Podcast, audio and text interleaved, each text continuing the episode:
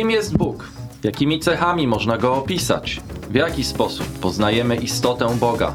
W jaki sposób Bóg rządzi światem? To pytania, na które odpowiada Westminsterskie Wyznanie Wiary z 1646 roku, napisane przez ponad 100 najwybitniejszych brytyjskich teologów protestanckich ery nowożytnej i które do dzisiaj jest uznawane za jeden z najważniejszych wyznaczników wiary dla prezbiterian i ewangelików reformowanych na całym świecie.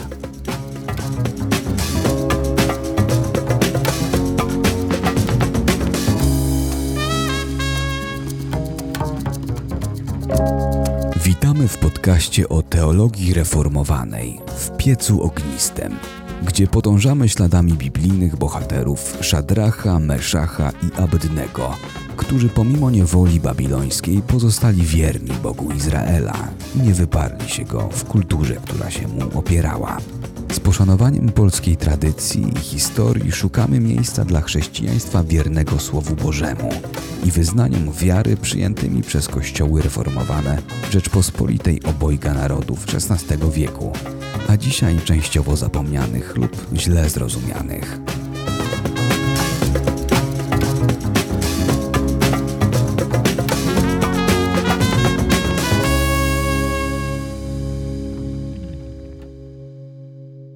Dzisiejszej kulturze świata zachodniego staramy się udomowić Pana Boga, zakolegować się z Nim. Traktujemy Boga trochę jako coacha, trochę jako terapeutę, który ma pomóc nam jakoś w samospełnieniu i uszczęśliwić nas. Jednak Bóg udomowić się nie pozwala i po prostu znika z naszego życia. Nietzsche powiedział, że Bóg jest martwy. Ale czy nie martwy dlatego, że Boga, w jakiego dzisiaj świat pragnie wierzyć, po prostu nie ma? Bóg opisany na kartach Biblii jest zupełnie kimś innym niż ten, którego chciałby widzieć dzisiejszy świat. Artykuł drugi Konfesji Westminsterskiej przypomina nam charakter Boga takim, jakim objawił się On otaczającym nas świecie, a co ważniejsze w Piśmie Świętym. Jedną z wyjątkowych cech charakterystycznych dla teologii reformowanej jest nacisk, jaki kładzie ona na majestat, chwałę i suwerenność Boga. Ten suwerenny charakter boskiej natury wyraźnie widoczny jest w rozdziale drugim Westminsterskiego Wyznania Wiary i temu to rozdziałowi chcemy poświęcić nasz dzisiejszy odcinek.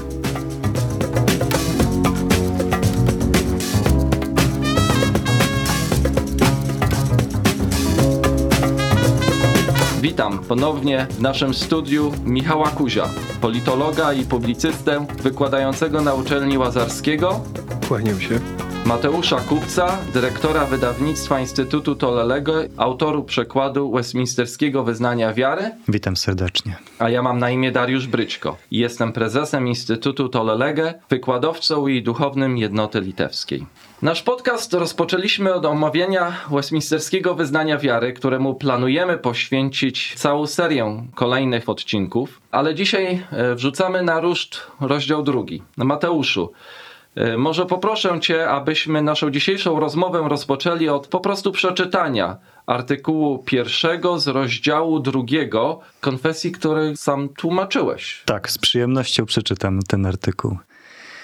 Jeden jest tylko Bóg żywy i prawdziwy, który nieskończony jest w bycie i doskonałości, niezmienny, bezkresny, odwieczny, niepojęty, wszechmogący, najmądrzejszy, najświętszy, najbardziej wolny, najbardziej niezależny, sprawujący wszystko wedle zamysłu niezmiennej, najsprawiedliwszej woli swojej dla swej własnej chwały, najbardziej miłujący, łaskawy, miłosierny, nieskory do gniewu, bogaty w dobroć i prawdę, odpuszczający nieprawość, przestępstwo i grzech, nagradzający tych, którzy go sumiennie szukają, jednakowoż najsprawiedliwszy oraz najstraszniejszy w swoich sądach, grzechu wszelkiego nienawidzący, a także nie pozostawiający winnego w żadnym razie bez kary.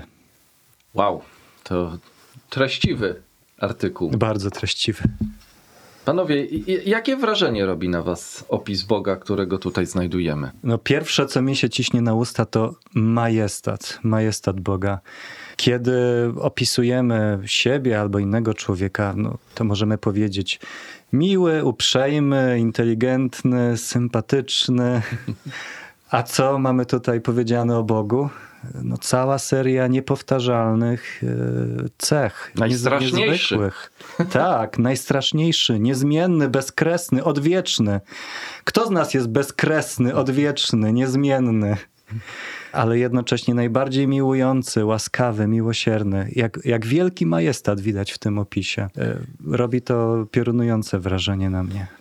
Myślę, że kiedy czytasz ten opis Boga, że to jest to, co dla mnie nadaje sens Biblii. Właśnie to, że z Biblii wywieźć można taki właśnie opis Boga. Żyjemy w nowoczesnym świecie, gdzie Biblia jest na różne sposoby poddawana krytyce, czasami mniej słusznej, czasami bardziej słusznej. Czasami jest to krytyka lingwistyczna, czasami historyczna. Można się zastanawiać bardzo długo, jak te wszystkie zwierzęta zmieściły się na Arce Noego, albo czy księga Estery jest prawdą historyczną, czy tylko legendą, i tak dalej, i tak dalej. Natomiast to, co mając w świadomości całą nowoczesną krytykę Biblii, nadaje dla mnie sens Pismu Świętemu, to jest właśnie to, że z niego wyłania się Bóg. A Bóg Biblii jest czymś absolutnie niespotykanym i nieporównywalnym do żadnego innego Boga, żadnej innej istoty opisanej w żadnym innym tekście. Więc jeśli oczyścimy Biblię, Biblia jest zawsze trudną lekturą dla każdego, ale czytając ją, myślę, że należy zawsze pamiętać o Bogu, pamiętać o tym, że to On stoi nawet za tymi fragmentami, które są takie trudne do zrozumienia, stoi właśnie ta, ta tajemnica boska i ta Jego istota. I warto czytać Biblię, być może nie po to, żeby się uczyć matematyki, biologii, nawet historii, można mieć wątpliwości, ale warto po to, żeby poznać właśnie tego Boga. To ciekawe, co powiedziałeś. To może skupmy się na jakimś konkretnym opisie, przymiotniku, który najbardziej zwrócił naszą e, uwagę i który wydaje się bądź to niezrozumiały, czy ciekawy, czy stojący w zupełnym kontraście z Panem Bogiem, którego dzisiaj e, pragnie nasza kultura, czy ludzie. Ja powiedziałem o, o tym najstraszniejszym, bo jak dobrze wiemy, obraz Pana Boga, który niestety jawi się w naszej głowie, to ten taki dziadek z długą brodą, dobroduszny, taki trochę święty Mikołaj, a tutaj, a tutaj najstraszniejszy. To takie zastanawiające. Jakie inne e, rzeczy rzuciły wam się No, krąży taki mit, że Bóg Starego Testamentu jest groźny, srogi, karający grzeszników. Tymczasem Bóg Nowego Testamentu, zwłaszcza objawiony w osobie Jezusa Chrystusa, to miły, przebaczający i bezproblemowy Bóg. A tutaj mamy wspaniałe połączenie zarówno gniewu, jak i łaski, y, sądu i, i miłosierdzia. Bo Bóg Starego i Nowego Testamentu jest ten sam. I tutaj mamy go opisanego w całej prawdzie, że jest zarówno najbardziej miłujący, łaskawy, miłosierny, ale też najsprawiedliwszy i najstraszniejszy w swoich sądach i grzechu wszelkiego nienawidzący. Myślę, że to nawiązać do tego, co Darek powiedział o tym, że Bóg jest straszny w tym opisie. To więc istnieją takie ładne polskie słowa jak bogobojność czy bojaźń Boża. I one oczywiście to są też pojęcia znane w innych językach i generalnie nie obce teologii. Ale ta bojaźń Boża wydaje mi się, i to wynika z tego opisu, powinna się brać nie z tego, że my się boimy Boga jako kogoś, kto chce, może lub ma zamiar nas skrzywdzić, tylko odczuwamy naturalny strach w zetknięciu z tym, co absolutnie wykracza poza nasze doświadczenie i naszą możliwość percepcji, ale dzięki łasce Bożej mamy gdzieś w głowie jakieś pojęcie tego, jak wielki on być może. Czyli- Mamy y, troszeczkę, jakbyśmy zdawali sobie sprawę, że pod powierzchnią morza, na które patrzymy, przesuwa się jakiś ogromny kształt i nie wiemy dokładnie, jak wielki on jest, ale zdajemy sobie sprawę z ogromu. Jest bardzo wiele opisów, piękna pieśń, jak wielkiś ty, mówiąca właśnie o tym, że ta bojaźń Boża często spływa na ludzi w zetknięciu z potęgą natury i e, konstatacją, że Bóg to jest coś jeszcze większego niż ten huragan, niż ta wielka fala, niż ta burza. Czyli ta bojaźń Boża, widoczna bardzo wyraźnie w Starym Testamencie, jest bojaźnią, która wyrażana jest w formie szacunku względem tego wielkiego bytu, jakim jest Bóg, ale posiada strach, choć ten strach jest taki, jaki posiada dziecko przed kochającym, ale może surowym ojcem. W religiach pogańskich ten strach względem bóstwa jest taki odosobniony. To jest po prostu strach i człowiek próbuje to bóstwo jakoś udobruchać. Tutaj widoczna jest relacja i ta relacja ma ten element strachu, ale nie tylko. To bardzo widoczne jest u króla Dawida, który pisze psalmy i ma bardzo bliską relację z Panem Bogiem. I jest to relacja y, pełna ufności. Oczywiście ta ufność y, jest o wiele bardziej jeszcze wyrażona w Nowym Testamencie, kiedy to Bóg wciela się w postać Jezusa Chrystusa, y, jest między nami, słowo stało się ciałem i prosi Żydów, aby poszli za nim podchodzi do grzesznika Lewiego, który potem staje się ewangelistą Mateuszem i mówi: Pójdź za mną.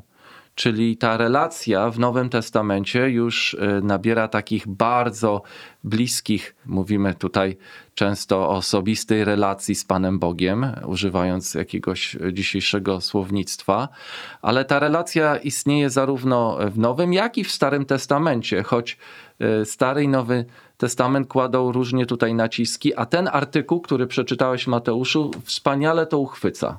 Myślę, że w Starym i w Nowym Testamencie Bóg inaczej człowieka wychowuje. Myślę, że to byłoby dobre słowo.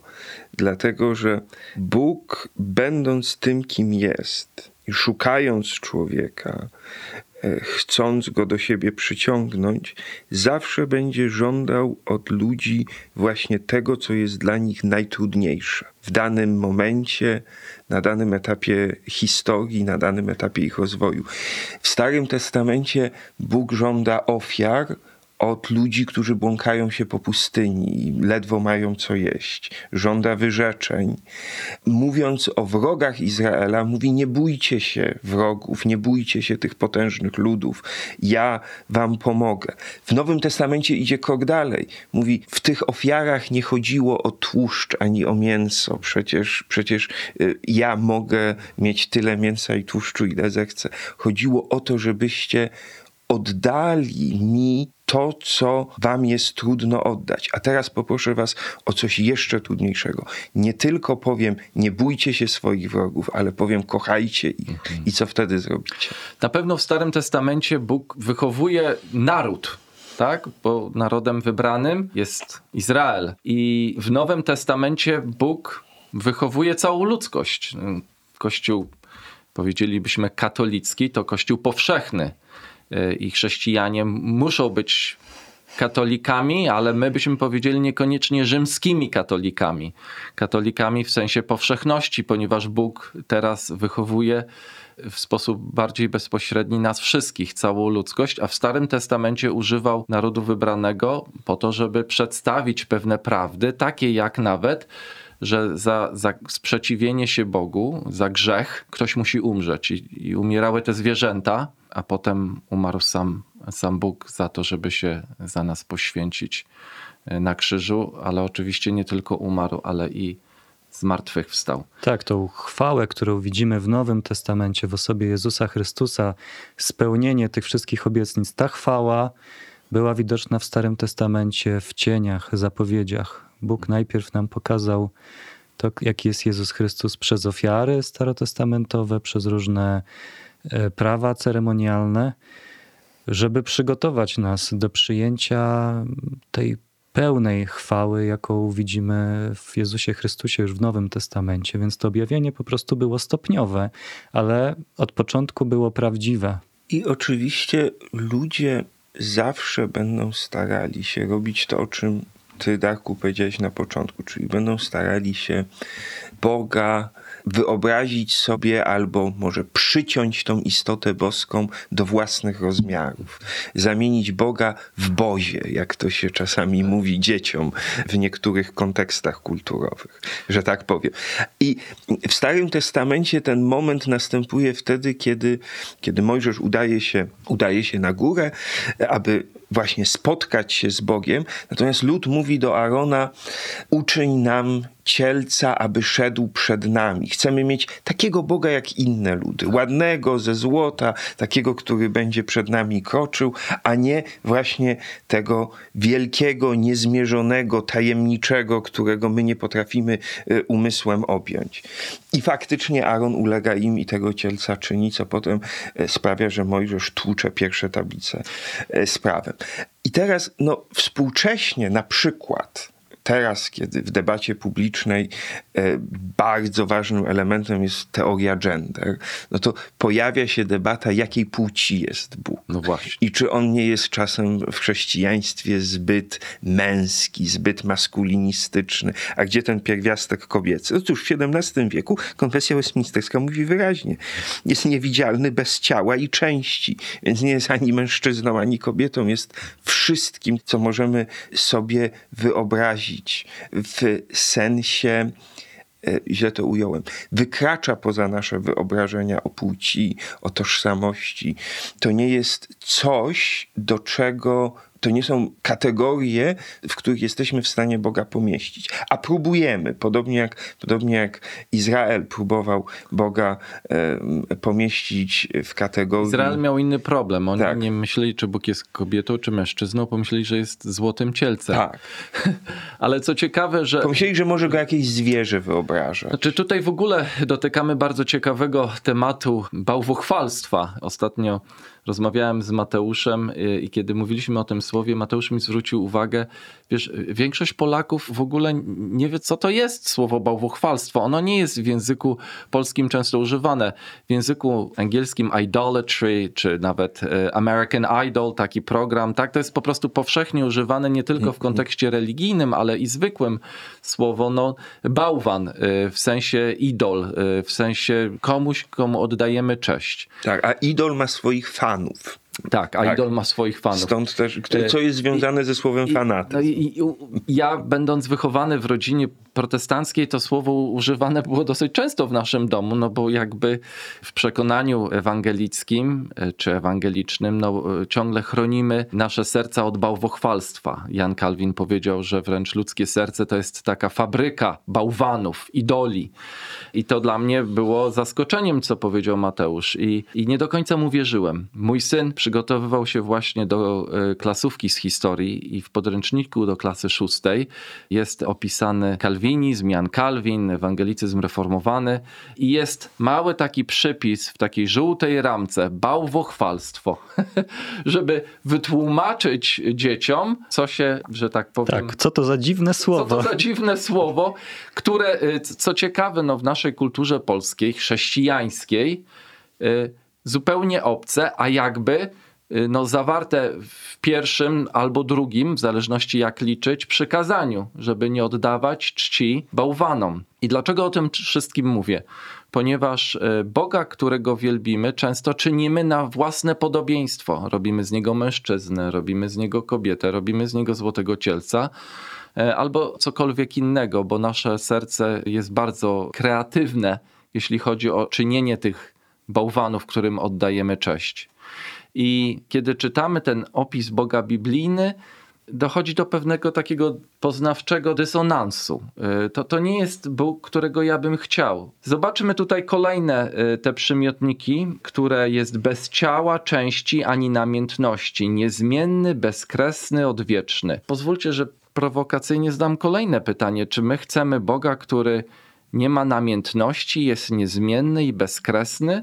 To taki Bóg trochę oddalony. No jeżeli on No jak on... Zależy, jak zdefiniujemy słowo namiętność, bo tu mowa jest o braku namiętności, a nie o braku woli. Gdyby był pozbawiony woli, to posuwalibyśmy się w kierunku panteizmu, w kierunku takiego Boga, trochę jak, jak ten ocean w pięknej powieści Stanisława Lema Solaris, który tak sobie e, myśli e, i czuje, ale, ale właściwie jest, jest takim bezkresem, tak, panteistycznym. Tak, kiedy mówimy, że Bóg nie ma namiętności, to nie mamy na myśli, że nie ma w sobie miłości, czy że nie kocha prawdy, świętości albo nienawidzi grzechu. Nie, mamy na myśli, że nie miotają nim namiętności. że jednego dnia nas kocha, drugiego Tak. nas nie kocha, ale nas kocha.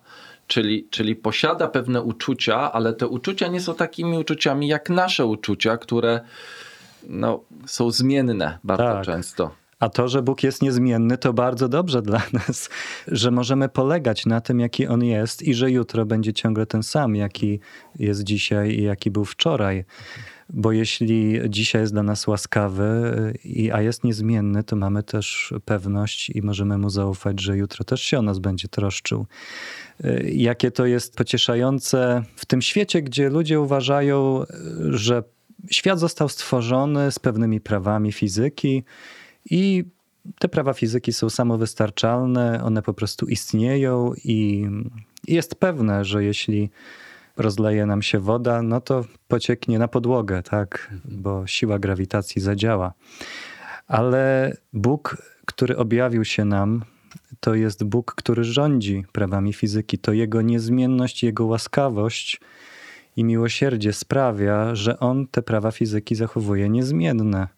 Oczywiście, kiedy działa cuda, ma moc e, zadziałać wbrew nim albo ponad nimi, ale dzięki jego niezmienności, wierności, nawet w takich rzeczach jak prawa fizyki, no, mamy Grawitację. pewność- Tak, mamy Ciężko grawitację. byłoby bez grawitacji. Co by to było, gdyby rozlała nam się kawa i pociekła na sufit, gdyby prawo grawitacji nie zadziałało? Czyli ta niezmienność Boga to nie jest. No, my żyjemy w świecie, który się ciągle zmienia, tak? Co 2-3 lata nowy telefon. Każdy, może nie każdy, ale wielu by z nas chciało mieć, przynajmniej do tego zachęcają nas reklamy. E, A jeżeli nie nowy telefon, to co kilka miesięcy nowe uaktualnienie e, oprogramowania, które mamy na telefonie. I my znajdujemy w tym pocieszenie. Mówię, o, mam nowe oprogramowanie, będę bezpieczniejszy. I nagle czytamy, że ten Bóg to jest taki niezmienny, to może nudny. I wręcz przeciwnie, jak wytłumaczyłeś y, to bardzo tutaj pomocnie Mateuszu, ta, ta niezmienność Boga jest czymś, na czym możemy się oprzeć. Dlaczego? Dlatego, bo Bóg jest doskonały. I on nie musi, nie może wręcz się zmieniać, bo doskonałość nie potrzebuje zmiany. A gdyby się zmienił, to jako doskonały mógłby się zmienić tylko na gorsze. No tak. Tego, To też, tego Bóg to, nie może zrobić. to też ta niezmienność oznacza też, że Bóg jest najlepszą możliwą firmą, bo zawsze dotrzymuje umów. To prawda. I przymierza zawarte, pierwsze przymierze po potopie, e, przymierze z Mojżeszem, nowe przymierze Jezusa, one wszystkie są pewne i były pewne i zawierały też stypulację, że Bóg ma prawo do gniewu, jeśli to przymierze zostanie złamane. I ono zostało złamane, ale przez ludzi, nie przez Boga, jeśli chodzi o, o, o I pomimo, przymierze, przymierze z ludem złamane, wybranym. Bóg nadal okazał się wierny, Tak.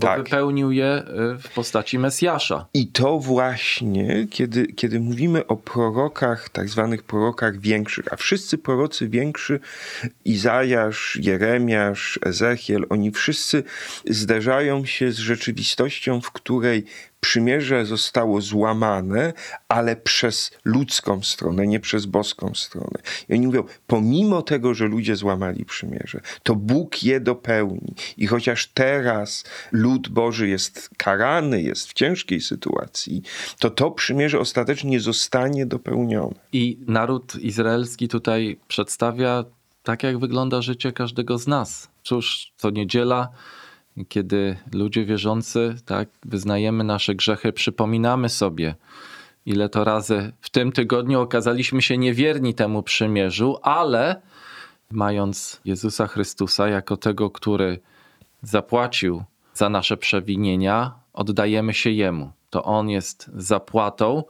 za te wszystkie występki. Nie idziemy, nie składamy już jakiejś ofiary przebłagalnej za grzechy. W przypadku każdej umowy zawartej z Bogiem mamy absolutną pewność, że to my złamiemy ją piersi. Tak.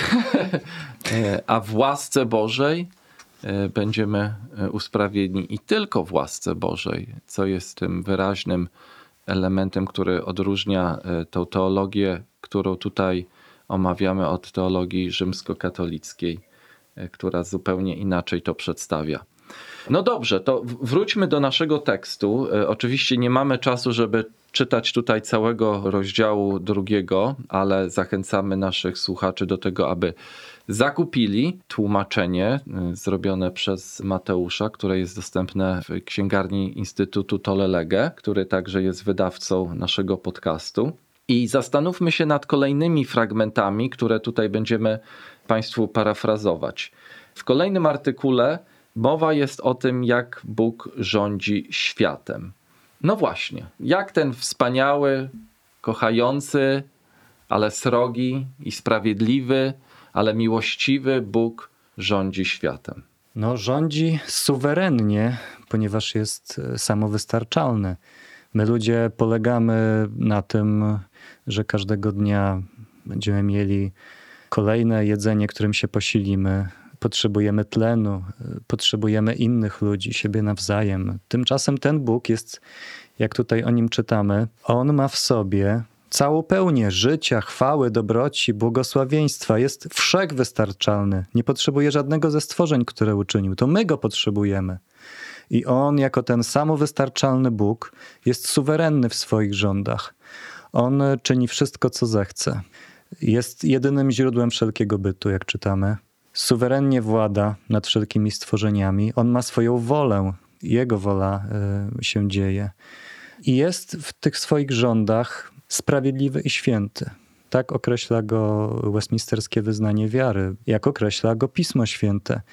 Najświętszy we wszystkich zamysłach, dziełach, we wszystkich swoich rozkazach. Czyli jest to Bóg, który niczego nie potrzebuje od nikogo, więc też łapówek nie będzie przyjmował. Będzie rządził sprawiedliwie i w święty sposób. Ten element Bożej suwerenności jest czymś, co bardzo jest podkreślane w konfesjach reformowanych. I on doprowadza do pewnych problemów, o których będziemy mówić. Jak ta Boża suwerenność może być pogodzona z innymi rzeczami, szczególnie, nie wiem, z ludzką wolną wolą, o której będziemy mówić w ogóle, jak świat wygląda. Czy mamy jakieś przemyślenia w tej kwestii na tym etapie? Ponieważ generalnie jest tak, że umowy, które człowiek zawiera z Bogiem, są łamane przez człowieka, a nie przez Boga, to Bóg udziela człowiekowi łaski.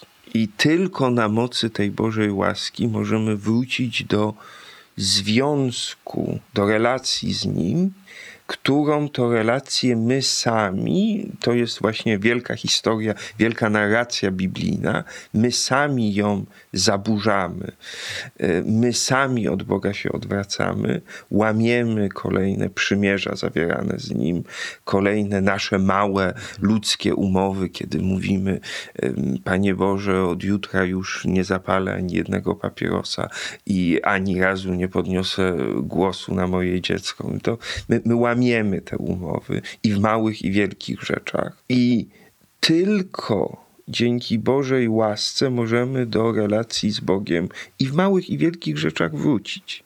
Natomiast ta Boża łaska, ona musi być dana w sposób wolny, ona musi być dana za darmo, bo my jakby raz, kiedy już złamaliśmy umowę, nie mamy już Bogu nic do zaoferowania. I z tego się bierze właśnie ta trudna nauka o predestynacji. o której będziemy mówić już w kolejnym naszym odcinku.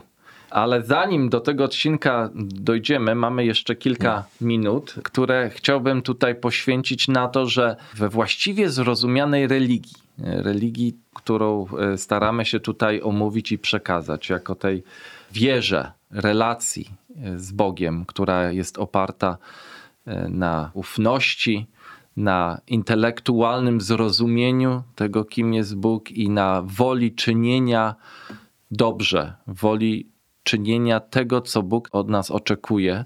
Ta wiara, ta religia jest kształtowana przez Boga, czyli relacja, która panuje między nami a Bogiem, jest kształtowana przez Boga. Dlaczego? Bo On jest suwerenny i to na Jego warunkach my wchodzimy w relację z Bogiem. Znowu jest to zupełnie inne niż to jawi się w naszych umysłach. Ja dzisiaj rozmawiam z wieloma ludźmi, którzy religię postrzegają jako coś takiego swojego eklektycznego.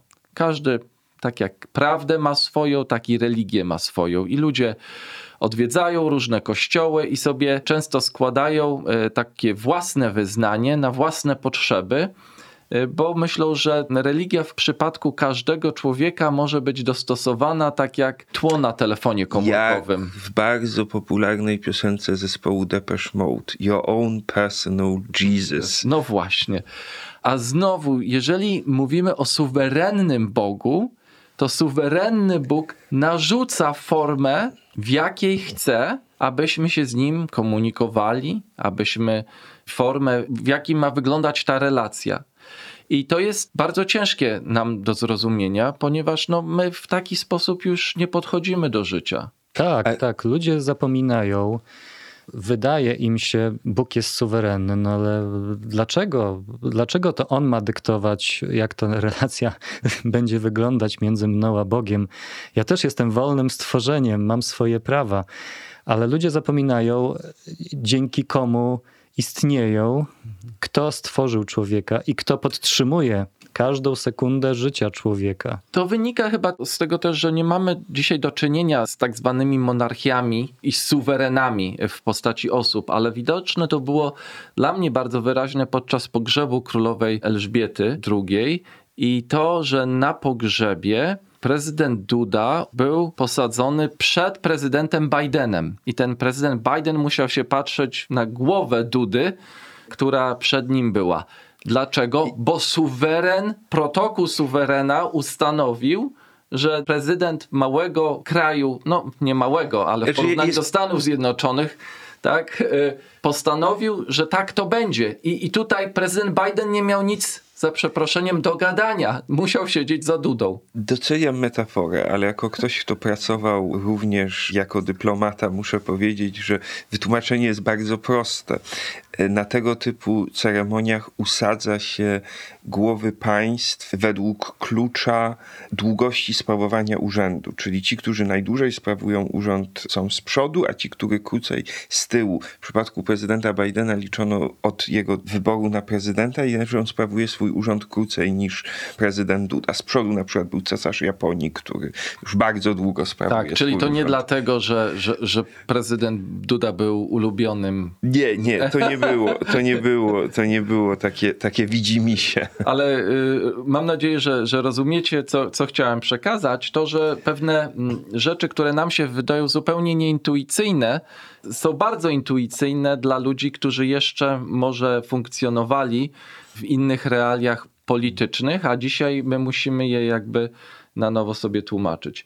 No dobrze, ale ostatnie już y, pytanie na dzisiejszy program, bo Kolejny artykuł, który tutaj widzimy, mówi o tym, że w jedności bóstwa są trzy osoby.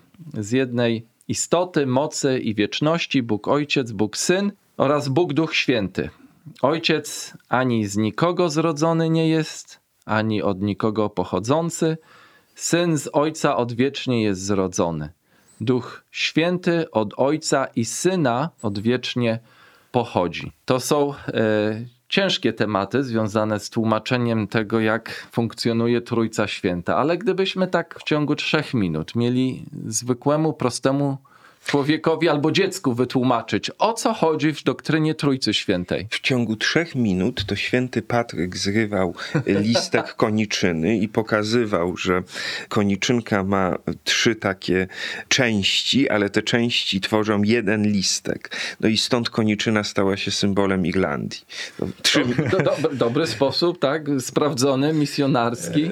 Tak, Inne choć, choć niekoniecznie prawidłowy sposób przedstawienia tej wspaniałej prawdy wiary, która historycznie Kościół wyznaje, że nie jesteśmy w stanie naszym umysłem w pełni objąć tej tajemnicy i wszelkie porównania używające no, naszych, naszych ludzkich e, wyobrażeń czy przedmiotów życia codziennego, słynne porównania e, z trzema stanami Wody. wody albo właśnie z koniczynką.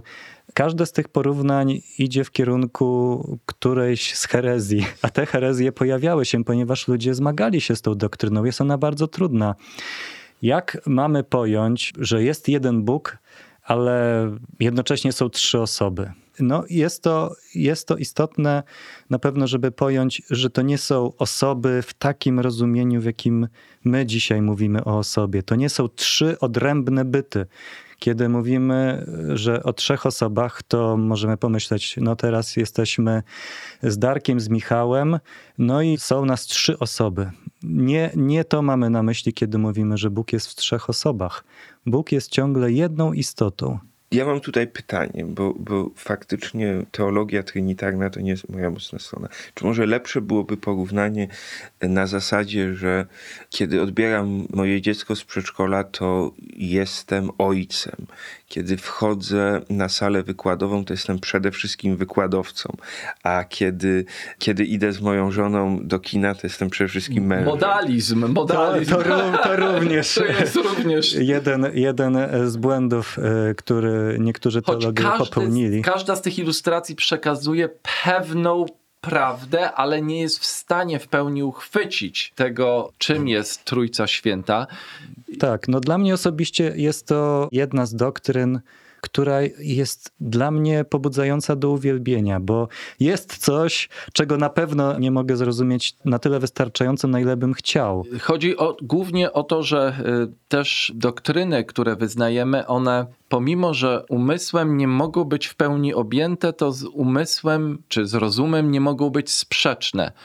I te wszelkie dewagacje, które tutaj teologowie, y, szczególnie w pierwszych wiekach chrześcijaństwa, nam przedstawili, y, mają głównie to na celu, aby pokazać, jak to to, w jaki sposób Bóg się nam przedstawia na kartach Biblii, nie jest sprzeczne z rozumem, ale niekoniecznie rozumem do objęcia. To, co ja bym starał się przedstawić dziecku czy osobie, która mogła też no, poddawać i kwestionować doktrynę Trójcy Świętej, to taki głęboki przekaz tego, że Bóg, w którego wierzymy, jest inny na przykład od Boga muzułmańskiego. Bóg muzułmański, który też te wszystkie atrybuty, czy może większość, o których czytaliśmy, posiada, jednak jawi się zupełnie inaczej.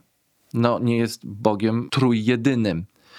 I to, co doktryna Trójcy Świętej nam pokazuje, że nasz Bóg trójjedyny, w nim dochodzi do pewnych relacji wewnątrz bóstwa, do relacji miłości, do relacji posłuszeństwa.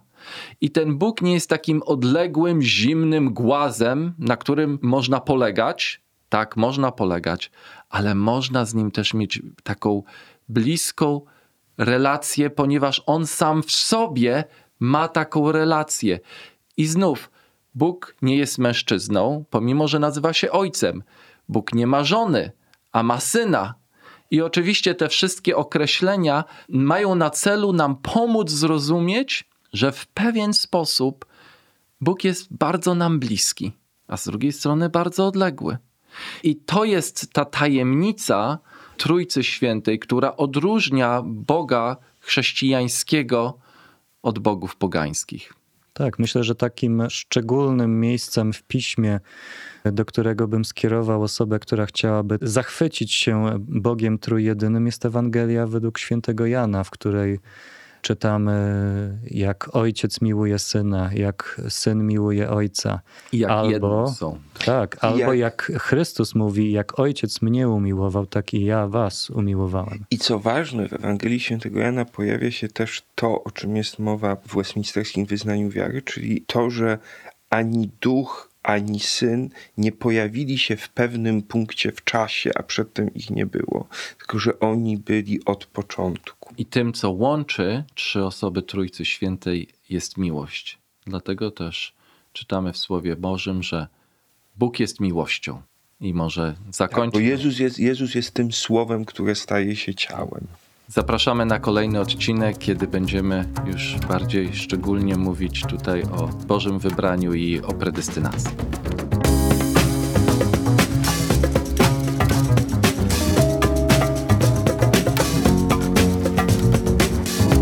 Zapraszamy na kolejne odcinki naszego podcastu W piecu ognistym, które planujemy udostępniać co drugi tydzień. Zapraszamy także do odwiedzenia księgarni internetowej Instytutu Tole Lege, gdzie można nabyć kopię westminsterskiego wyznania, a także inne wartościowe pozycje dotyczące teologii i historii kościołów pragnących pozostać wiernymi Biblii w dzisiejszej kulturze.